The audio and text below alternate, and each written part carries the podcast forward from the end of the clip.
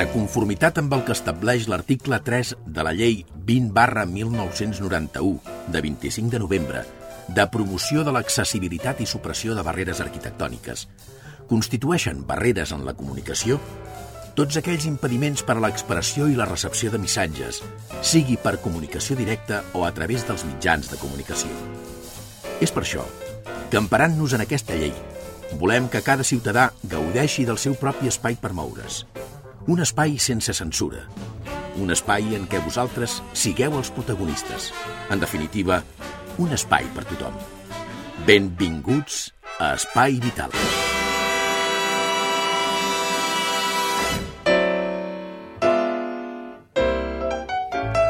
Senyores, senyors, què tal, com estan?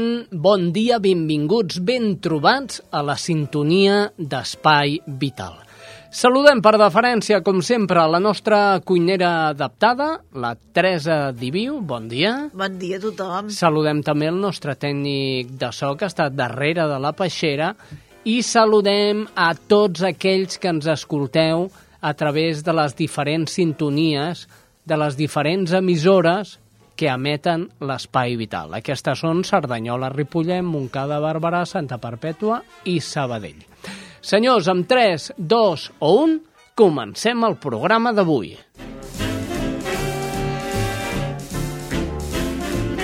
Estàs escoltant Espai Vital.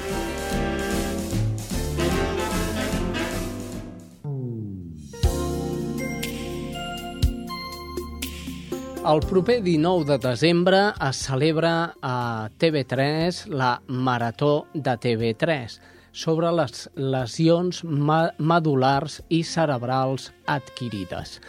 Molt bé, doncs tots aquells que vulgueu veure el programa de la Marató de TV3 el podreu veure el mateix 19. Però eh, qui fa eh, la Marató? Eh, la fa TV3 o, o qui hi ha darrere de tot això? Molt bé, nosaltres volem parlar amb la directora de la Fundació La Marató, ella és la Carme Basté, i ens explicarà una mica més què és això de la Fundació La Marató. Carme, bon dia. Hola, bon dia. Què, què és exactament això de la Fundació? Perquè no només la Fundació La Marató de TV3 és la que s'encarrega de, de recaptar calés i distribuir. Com funciona això, Carme? Bé, a, a, la Fundació és, com deies, qui administra els fons recaptats a través del programa. Per tant, ja ho deies bé, la, Fundació, la Marató té com dues entitats eh, diferenciades, però que treballen per un, una sola finalitat, que és TV3 i el programa d'una banda, que és la eina, que és el programa, que és a través d'aquest programa de televisió de divulgació i de sensibilització que es recapten els diners, i després té la Fundació, que és l'encarregada d'administrar aquests diners, i una altra pota molt important, que és coordinar, decidir, fer que el procés sigui transparent tant l'econòmic com l'adjudicació dels projectes de recerca. Molt bé, qui, qui decideix quin projecte es tira endavant?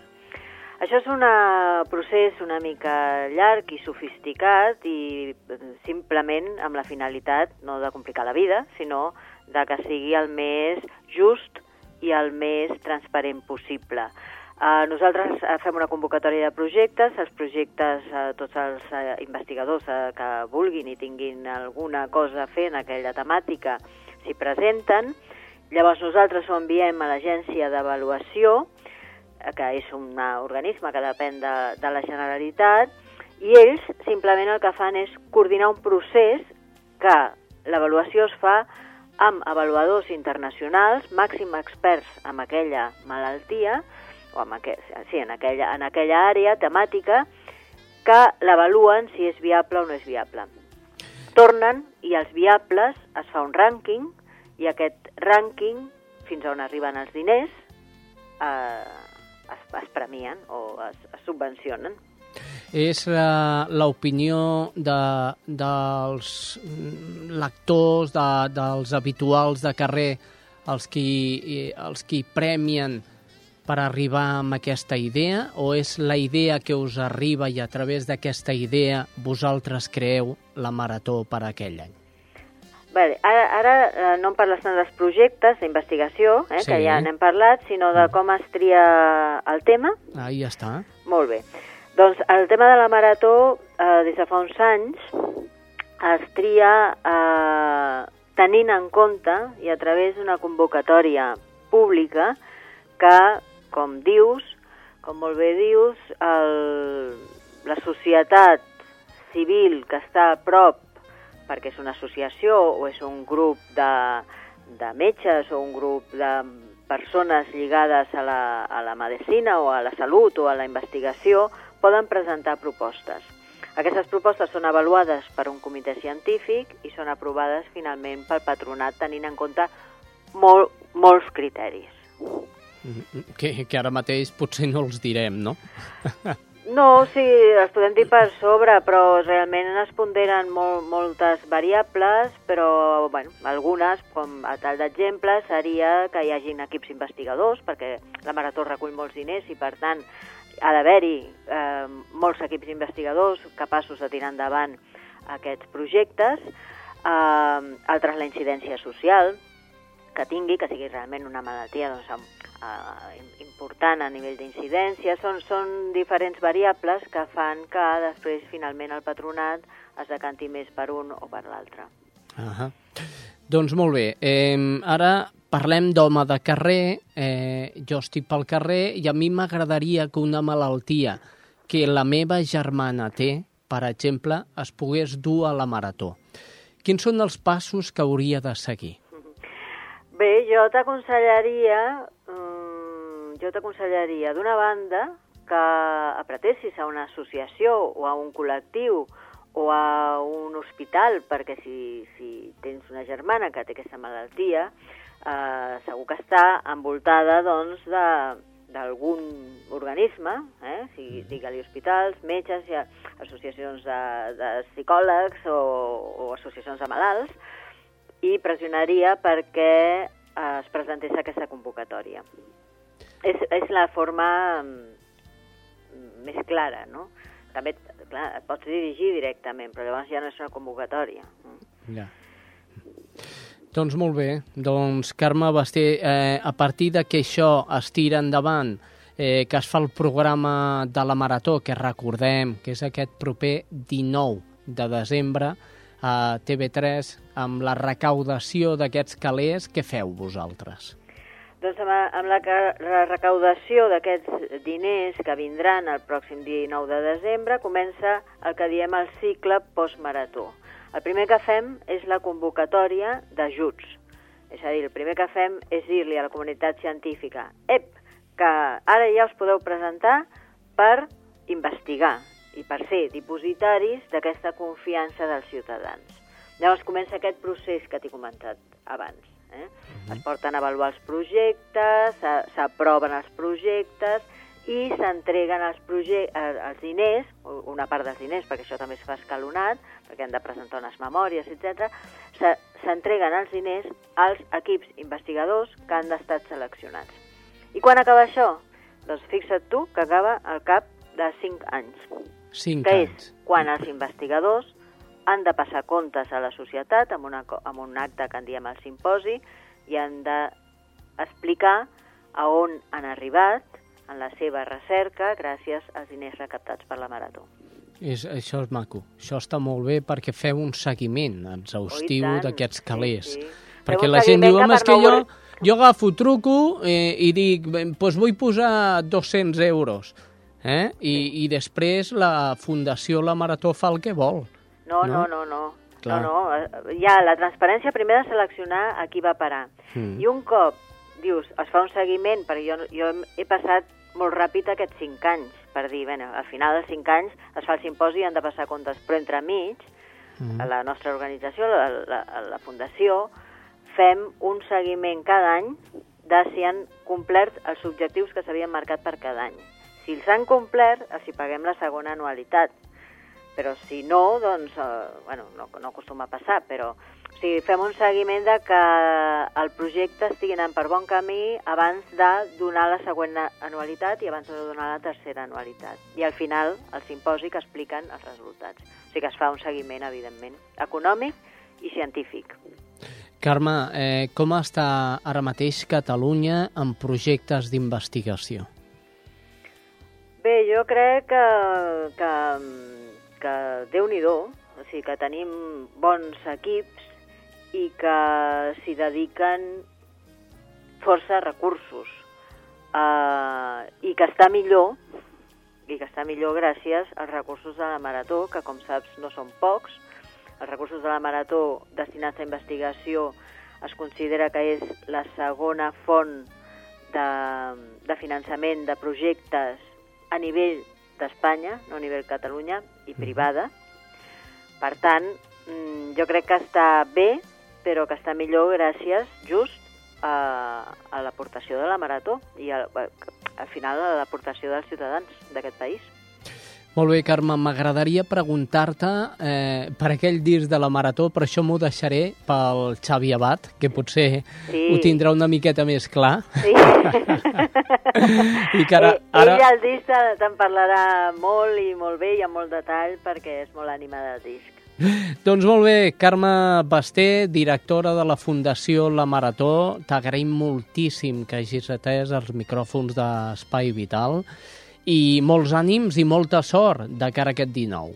Moltes gràcies a vosaltres per ajudar-nos a divulgar el projecte. Gràcies i bon dia. Adéu, bon dia. Això és Espai Vital. I des de Ripollet, Cerdanyola, Montcada, Barberà, Santa Perpètua i Sabadell. Molt bé, ja heu sentit la Fundació La Marató que no té res a veure, o oh, perdó, sí, sí que tenen res a veure, amb el programa de la Marató de TV3. De fet, el programa s'encarrega de captar fons. Mm? D'això en parlarem d'aquí a uns instants, quan parlem amb el seu director, el director del programa de la Marató, Xavier Abad. Però abans, avui estem una mica francesos i el nostre poeta coix, el Jordi Condal, si escolteu, també té un xic de francès. Escolteu-lo.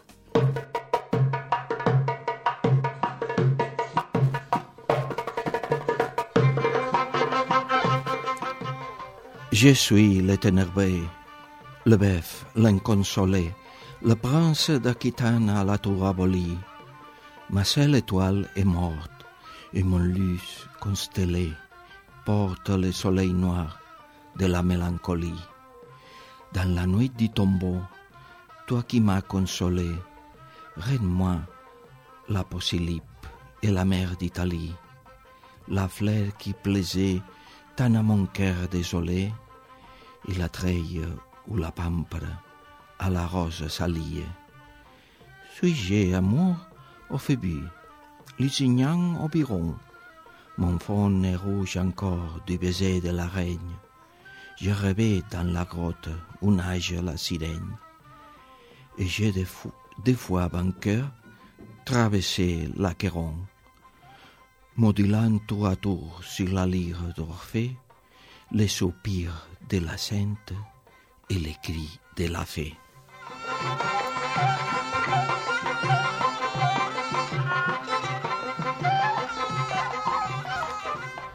Gerard de Nerval, poeta francès de mitjans del XIX, passa per ser el primer dels poetes renovadors de la poesia, el primer dels creadors de la, de la concepció nova de la poesia. La, la concepció nova de la poesia és una història que ve després del romanticisme, després doncs, que els poetes han incorporat dintre de la poesia tot el món dels somnis i tot el món màgic de, de diguéssim, de, de, de l'inconscient una miqueta, de, dels somnis, de, de, de la fantasia, venen aquesta gent i un grup de poetes francesos giren la poesia al revés com un mitjó.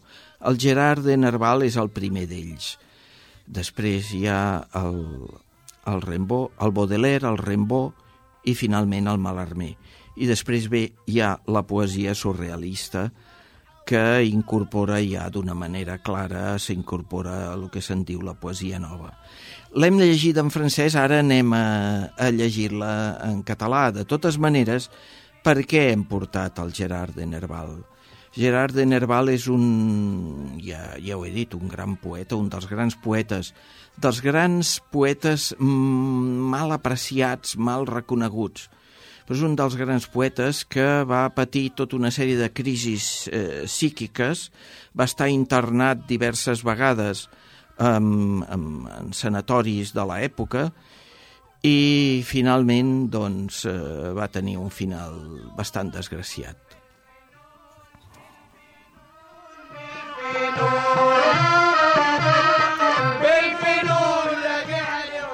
És curiós perquè aquest poema, eh, el seu llibre es diu Les quimeres, l'Esquimer, i aquest poema porta un títol que es diu El desdichado, un títol en castellà, que està tret doncs, d'una doncs, obra del, del, de l'Ivan Hoe, del Walter Scott, i és un poema farcit de referències literàries. Vaig a llegir-lo. El desdichado. Jo sóc el tenebrós, el vidu, el sens consol, el príncep d'Aquitània de la torre abolida. Se m'ha mort l'estel únic i el llaut constel·lat. Duc marcat el sol negre de la melancolia. En la nit de la tomba, tu que m'has dat conhort, retorna'm al posílip i al mar que abressa Itàlia, la flor que tant plaïa el meu cor desolat, i el parral on el pàmpol amb la rosa salia Soc amor o soc Febus? Lucinyan o Viron? Tinc el front roig encara de besar de la reina. He somiat dins l'antre on neda la sirena i dos cops vencedor he creuat la caron. Tan aviat cantant amb la lira d'Orfeu, el, el sospís de la santa com els crits de la fada.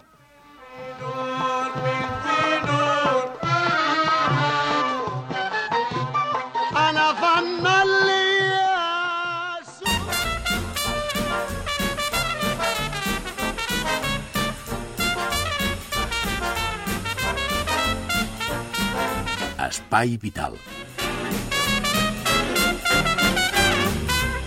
I en aquests moments el que ens ve de gust és fer una roda informativa. Anem a donar una volta pel Vallès? Anem, va, agafa't va. la cadira que t'hi porto. Vinga, va. I comencem per Ripollet. Allà es troba la Laia Prats. Hola, Xavi. Avui des de Ripollet t'expliquem que del 15 al 19 de novembre 48 treballadors i treballadores de l'Ajuntament van ser formats en suport vital bàsic. L'objectiu era que el personal municipal tingui els coneixements bàsics de reanimació cardiopulmonar i la utilització del desfibrilador extern automàtic. Ripollet ha estat el primer municipi de la comarca i un dels pioners a Catalunya en apostar per ser un municipi cardioprotegit. Aquest curs ha estat impartit per sis professionals de l'àmbit de la salut, infermers i metges que formen part del personal tècnic del SEM.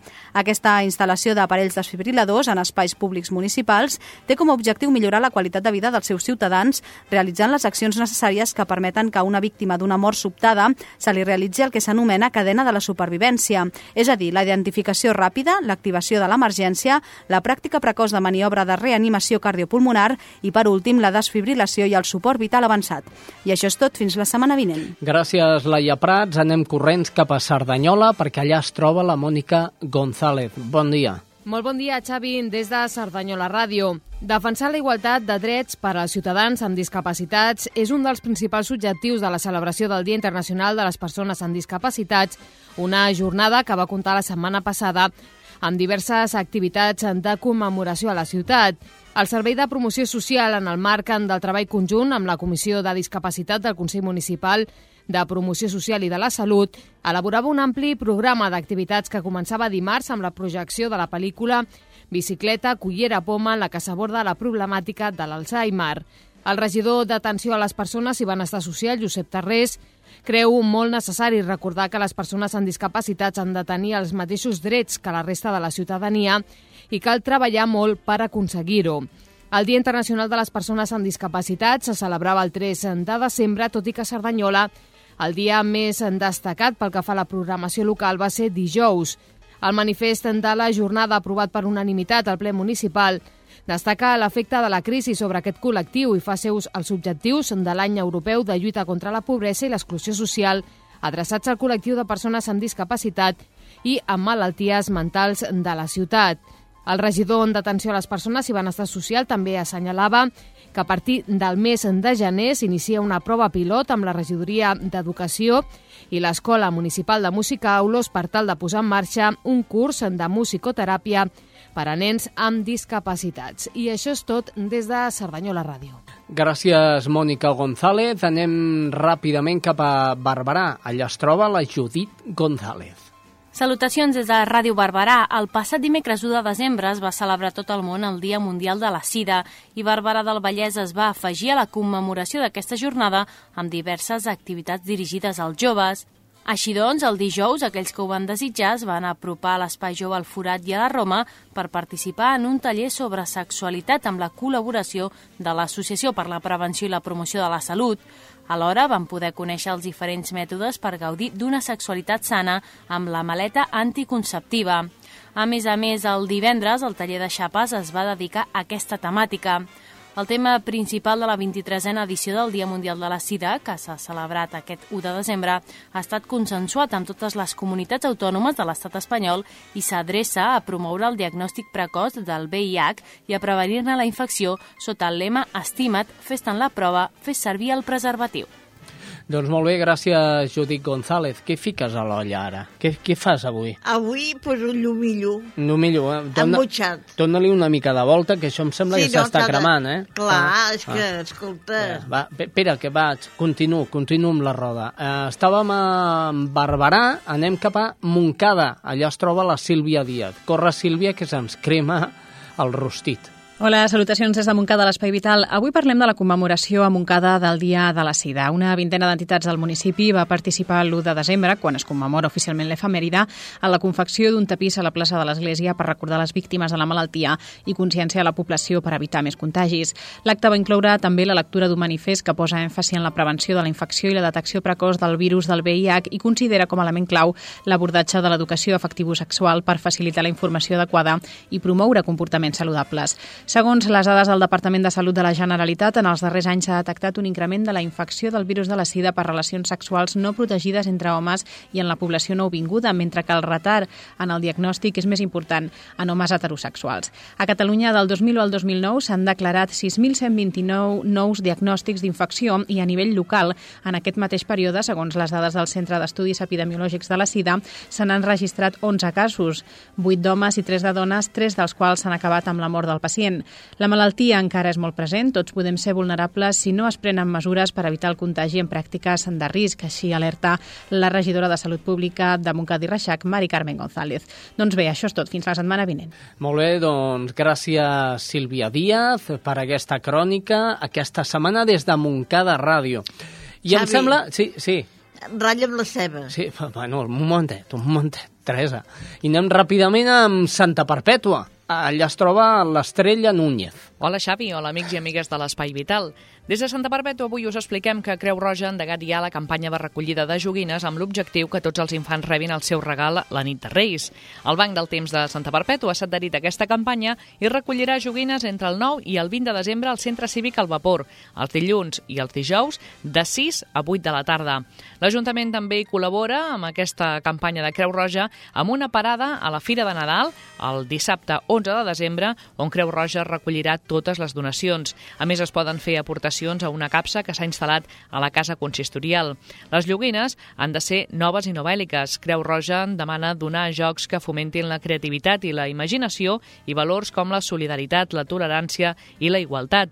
Amb el missatge Desarma el te els teus jocs, es tracta de fer extensible a la població la necessitat de treballar per la igualtat, la justícia social i els drets de la infància. Al mateix temps, Creu Roja difon la situació de la infància involucrada en conflictes bèl·lics. En l'última dècada, dos milions de menors han mort en diferents guerres.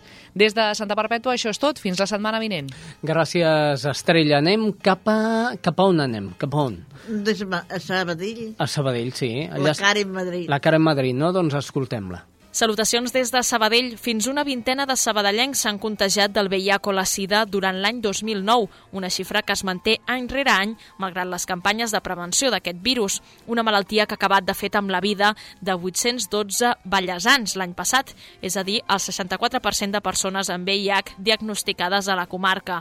Per això, Catalunya s'ha decidit orientar la campanya del Dia Internacional de la Sida als joves. Segons el president d'Actua Vallès, Jordi Montlló, és aquesta generació la que no ha viscut viscut el virus en tota la seva cruesa, quan els malalts morien només un any o dos després de contagiar-se. Així mateix, també es vol prestar atenció al col·lectiu homosexual, que ara s'està relaxant a l'hora de prevenir el contagi del VIH. Això és tot des de Sabadell.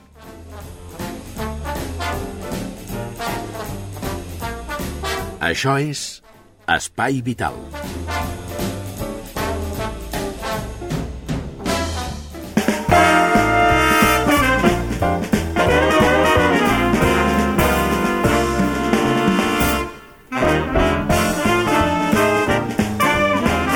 La recorden?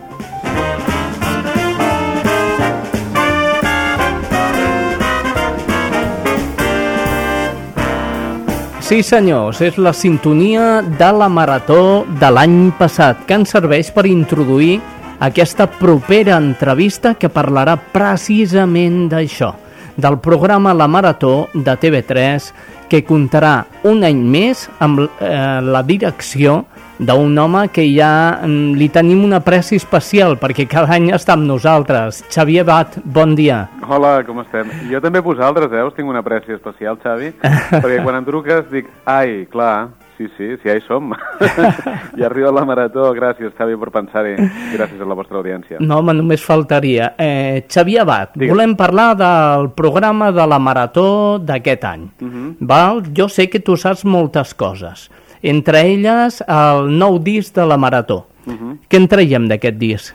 Doncs en traiem 16 cançons eh, i aquesta, que és la número 17, que és la sintonia del programa, eh, novament amb, amb la interpretació de l'ensemble del taller de músics, i són 16 cançons eh, que giren entorn doncs, a tots els valors, a tot el que intenta explicar la marató, la solidaritat, la, la, la companyonia, l'amistat, la mirada positiva, el intentar tirar endavant malgrat les adversitats moltes vegades, no?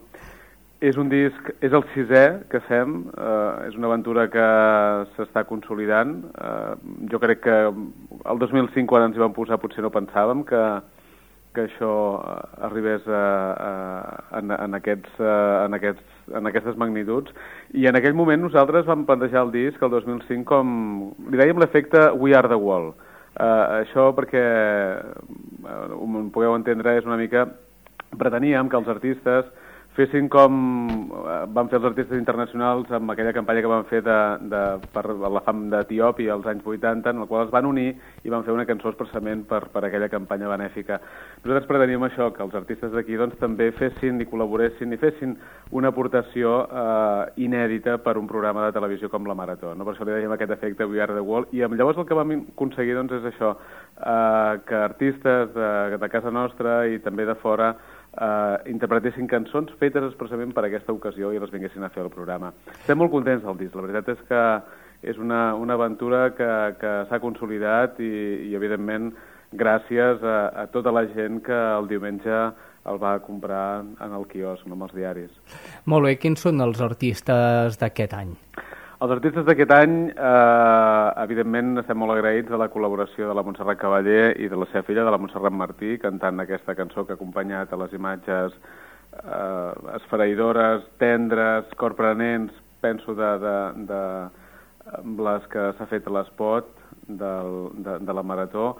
Eh, també tenim gent de nova volada, gent de nova fornada de, de casa nostra, els Guantun, eh, gent com els Cremats, eh, Um, Nila, Nina i Miquel Herzog també doncs, formen part doncs, de tot d'aquests artistes més de caire pop amb una cançó, amb una versió maquíssima del uh, Let the River Run de, que va fer la Gary Simon, em sembla, en el seu moment. Deixa que corri el riu, Deixa córrer el riu. Ells seran en, en el programa La Marató d'aquest diumenge L'Elèctrica d'Arma, Mojinos Escocíos, una cançó molt divertida, una versió d'una cançó de Sting, La Bet, eh, els Amics de les Arts, no podien faltar els Amics de les Arts aquest any en el disc de la Marató, són el grup més important del panorama de pop-rock del país.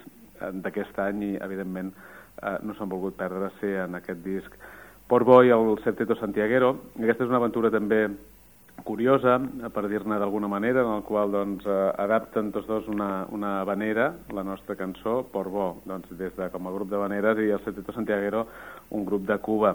Neila Benvei és una, una proposta doncs, eh, que mira cap a, cap a l'Àfrica i cap a les cultures orientals, Mel són gent d'aquí, nous, eh, amb una cançó del Serrat, una versió molt, molt bona, de vez en quando la vida. Macedònia, també han fet una cançó optimista, simpàtica, divertida, caminant.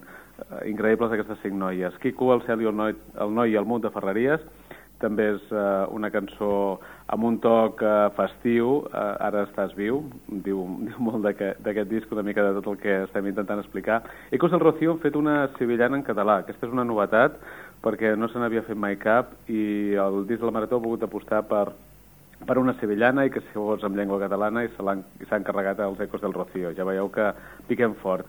La Martirio també ha picat fort amb una cançó de la Maria del Mar Bonet, l'Àliga Negra, els cremats amb una cançó de, de, dels anys 70, Dust in the Wind, Pols en el vent, i després la Susana Bay, que és la protagonista d'aquesta cançó eh, dels anys també 80, I Will Survive, que n'hem dit en català Seré Feliç, i que forma part de totes aquestes mobilitzacions ciutadanes que durant aquestes setmanes s'estan fent arreu de Catalunya per ballar aquesta cançó, justament, el Seré Feliç. Eh? Això ho estem fent amb el programa divendres i ha tingut molt d'èxit, la veritat, allà on s'ha fet, i n'estem molt, molt i molt contents. Jo diria que és un disc força consolidat i cada cop que arriba la Marató, el programa de la Marató, eh, la setmana abans ja s'està buscant aquest disc. Mhm. Mm molt bé. Eh, L'èxit de la Marató, eh, quin penses que pot ser? Sota el teu punt de vista de programa.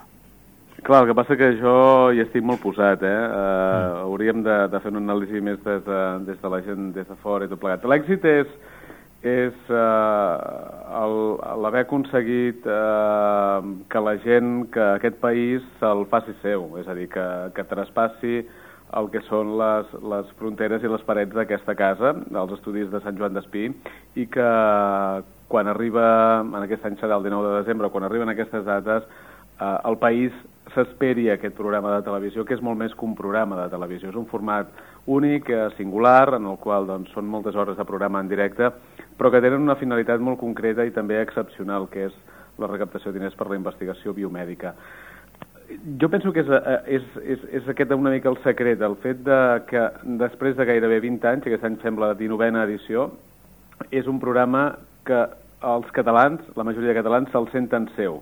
Uh, ha aconseguit aquest, aquesta, aquesta tradició i a veure, i si se'l senten seu vol dir que fem un programa que, que els agrada, un programa que divulga, que informa, que entreté, un programa amable, un programa dur de vegades a veure, però que uh, ens parla de coses eh, molt reals, ens parla de, de, de situacions que sovint tenim al costat de casa o, o a la mateixa casa i ens parla de solidaritat i de possibilitats de canvi, és a dir, que cadascú de nosaltres pot ajudar i pot fer que, que, que les coses canviïn d'alguna manera. No? És, és, potser una mica són aquests els, el secret, si és que n'hi ha algun de secret, perquè la, la marató doncs, estigui on està.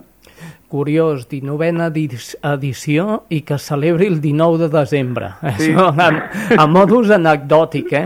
Realment, sí, sí. No, jo, jo no soc gens de càbales ni de números, però sí, segurament que algú hi pot trobar algun significat. Ha estat l'atzar, eh, el que ens ha fet que, que, que, això, que, que juguéssim el 19 de desembre i que sigui l'edició número 19. Molt bé. Qui el presenta aquest any? L'Albert Tom. Hombre, Albert Tom, hombre. que, que estarà fantàstic, que, que està en un moment molt dolç de la seva carrera professional, després de l'èxit de, que està tenint el convidat, aquest programa sí. de TV3, que mm -hmm. tots ja, ja coneixeu, i, i a veure, l'Albert Tom estava compromès abans de l'estrena del convidat, o sigui que no ha sigut aquí eh, arrel d'un èxit que, que se li ha proposat, sinó que l'Albert, des que va deixar el club, a l'Albert se li havia proposat diverses vegades de fer la marató, el que passa que quan estàs fent un programa diari de dues hores cada tarda, eh, evidentment les energies arriben on t'arriben.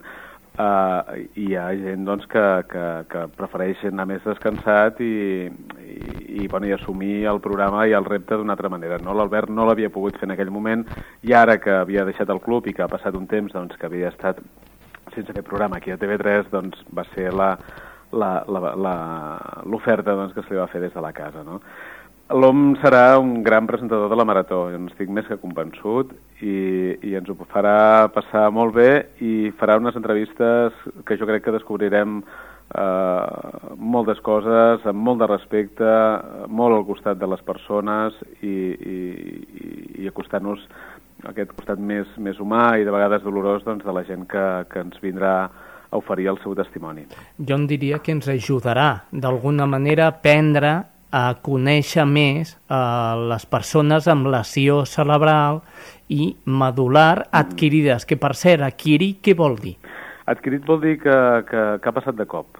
És a dir, que, que és producte d'un fet fortuït, eh, estem parlant d'accidents moltes vegades, eh, o de, de, de coses excepcionals, és a dir, també podríem parlar de tumors, podríem parlar de...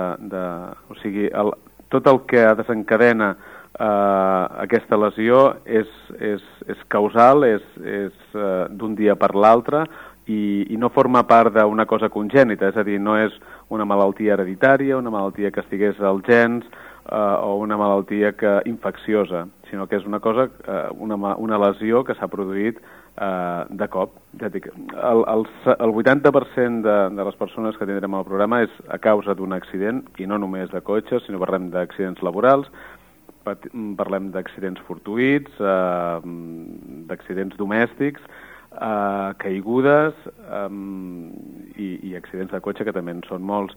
Però també parlem això de, de, de tumors que de vegades es desenvolupen al cervell o de tumoracions que poden haver-hi a la medula i que provoquen aquest canvi. És una mica el que marca les lesions medulars i cerebrals. Aquest abans i aquest després, sobtat, eh, de cop.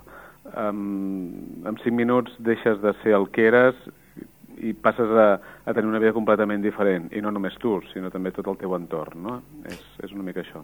Molt bé, doncs eh, Xavier Abad, director del programa de la Marató, uh -huh. eh, com sempre, t'animem moltíssim a que segueixis fent aquesta tasca i que la, el programa de la Marató reculli més calés que mai. Que eso de la crisis que no lo digan. Eh? No, no, nosaltres, eh, a veure, jo això ho dic amb la boca molt petita perquè sempre fa molta por. Mm, l'any passat i fa dos anys, amb una crisi que planejava d'una manera molt important, eh, la Marató va aconseguir els mateixos resultats que, que, que en aquestes últimes temporades o en aquests últims anys. Vol dir que la gent ens ha sigut fidel i que la gent, malgrat eh, les eh, apertures econòmiques, doncs ens ha, ens ha fet costat. Possiblement hi ha més donatius i són de menys quantitat. I, i això estem super, super, super agraïts a, a, a tothom que, que se'ns acosta i que amb, amb, amb qualsevol gest doncs, eh, ens fa la, arribar la seva aportació. Tot és important. De moment la crisi no ens ha afectat i espero que, que vagi tot molt bé, evidentment, perquè la investigació biomèdica eh, s'ho mereix i, i és una molt bona injecció de diners als que, als que es donen a partir de la Marató. Xavier Bat, gràcies. A vosaltres per pensar-hi un any més i us espero a tots veient la tele.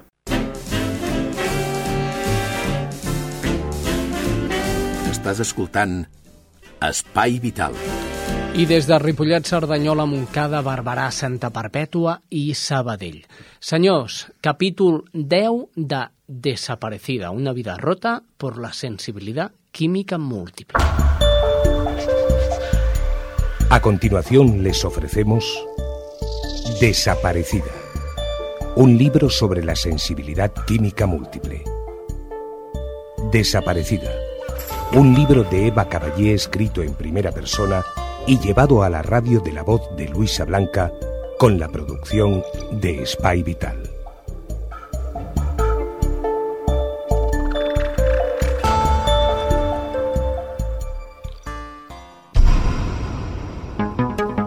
Al final tuvieron suficiente médula para analizarla y recuerdo perfectamente el día en que fui a recoger el resultado.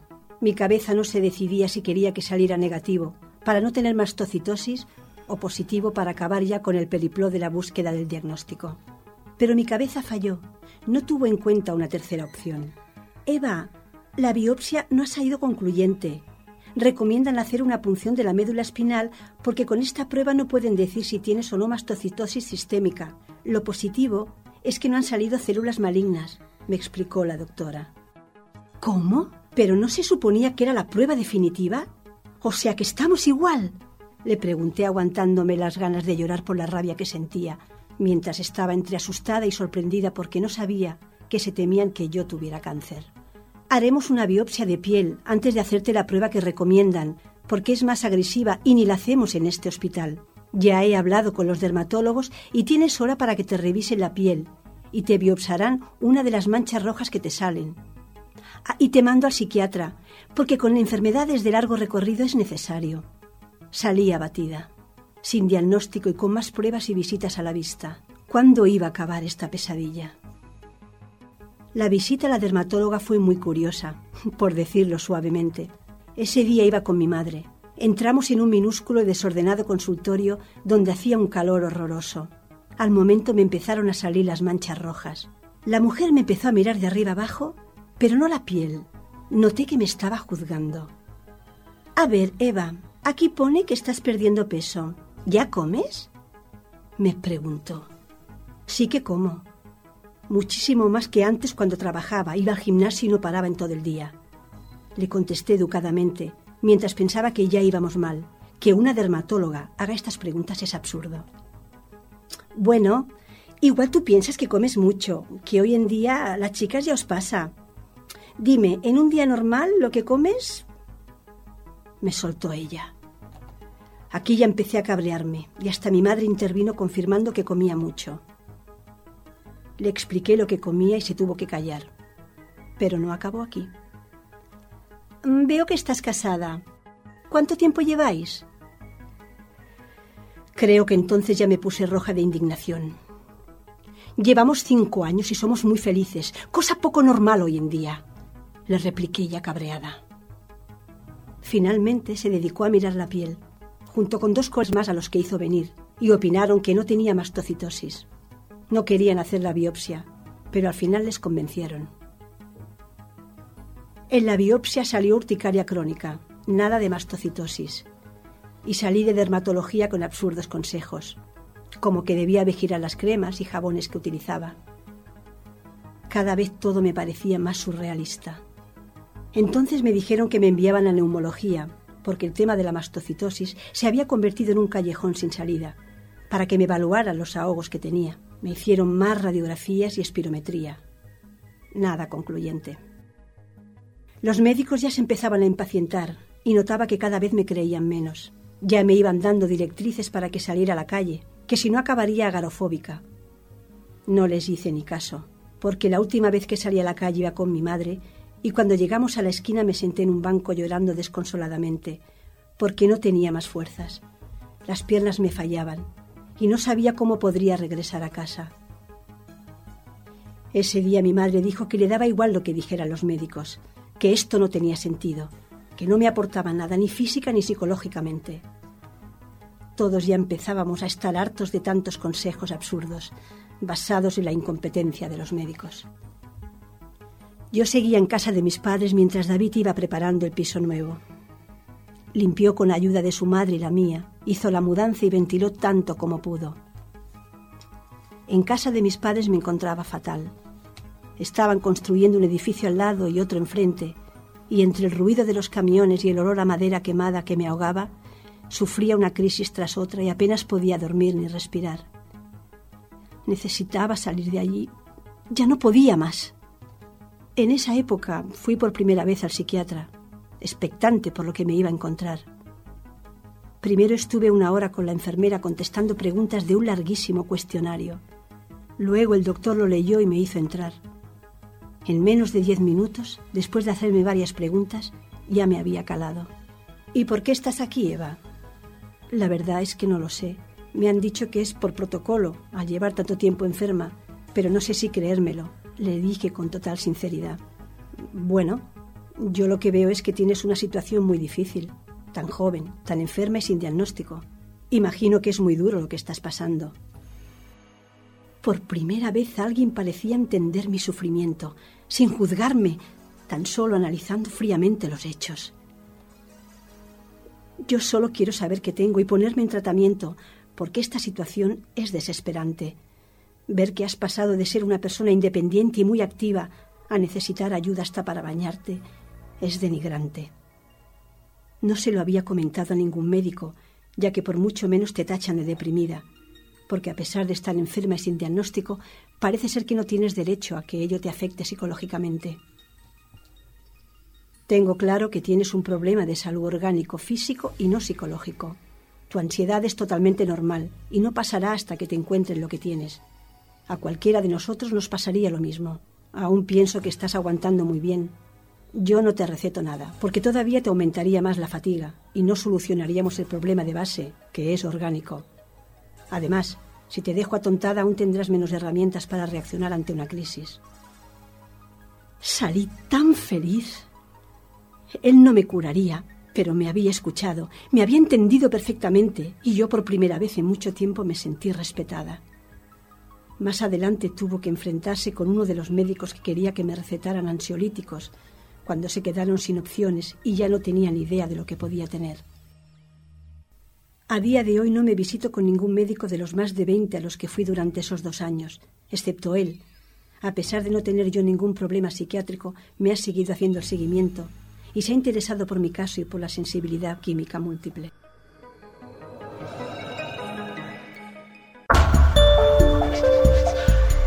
Y hasta aquí, Desaparecida. Un libro sobre la sensibilidad química múltiple. Desaparecida. Un libro de Eva Caballé escrito en primera persona y llevado a la radio de la voz de Luisa Blanca con la producción de Spy Vital. Desaparecida. Un libro de la editorial El Viejo Topo.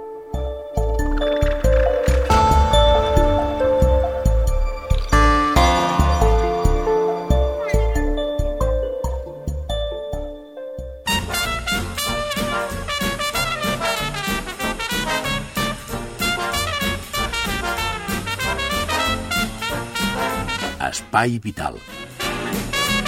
I a l'Espai Vital volem ara entrar a la secció de cuina amb la Teresa Diviu.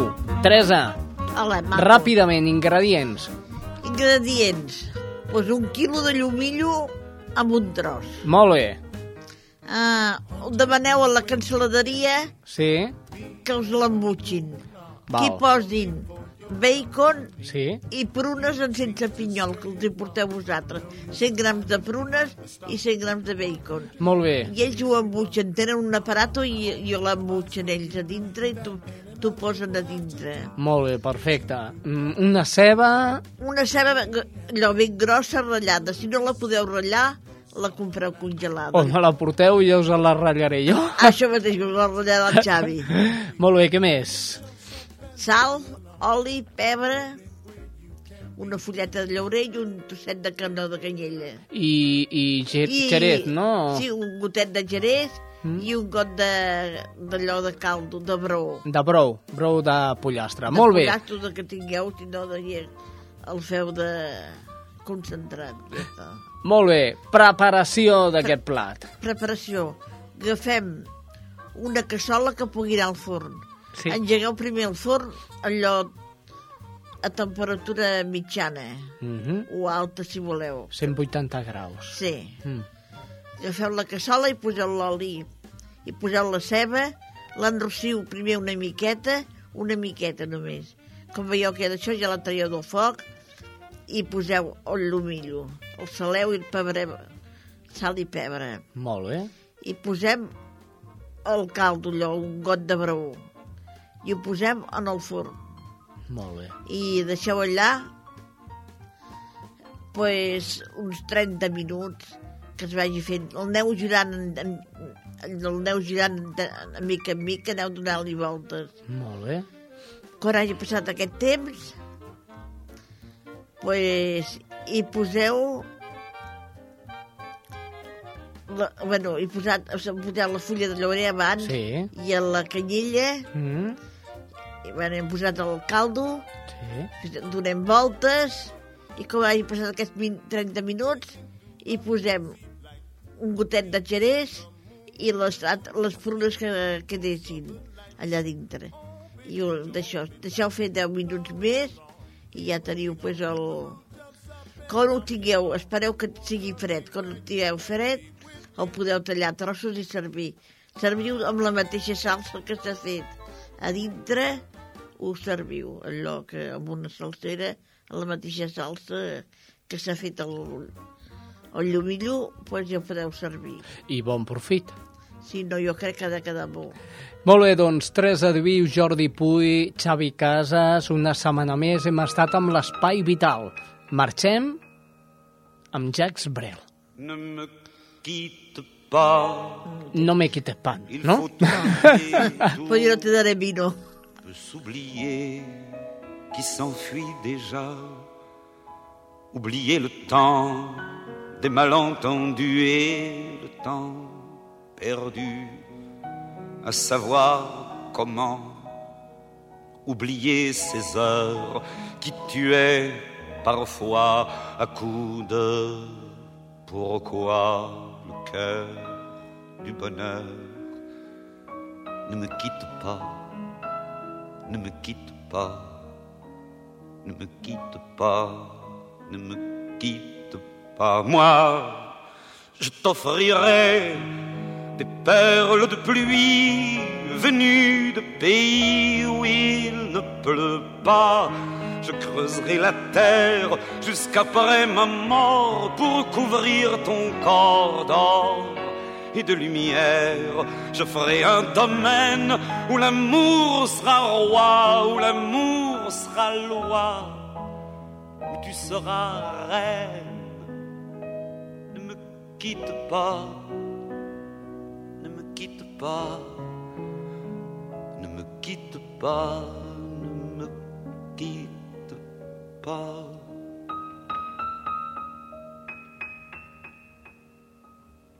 Ne me quitte pas, je t'inventerai des mots insensés que tu comprendras. Je te parlerai de ces amants-là qui ont vu deux fois leur cœur s'embraser. Je te raconterai l'histoire de ce roi mort, de n'avoir pas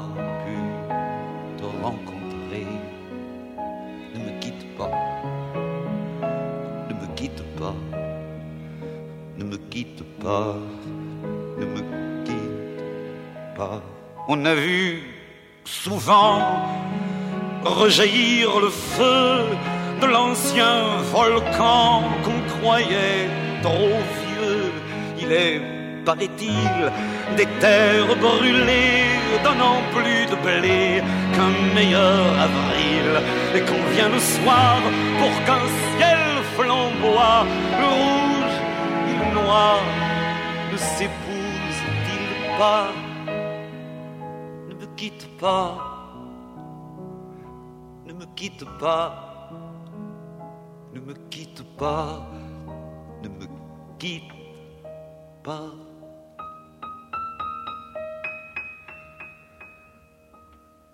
Ne me quitte pas.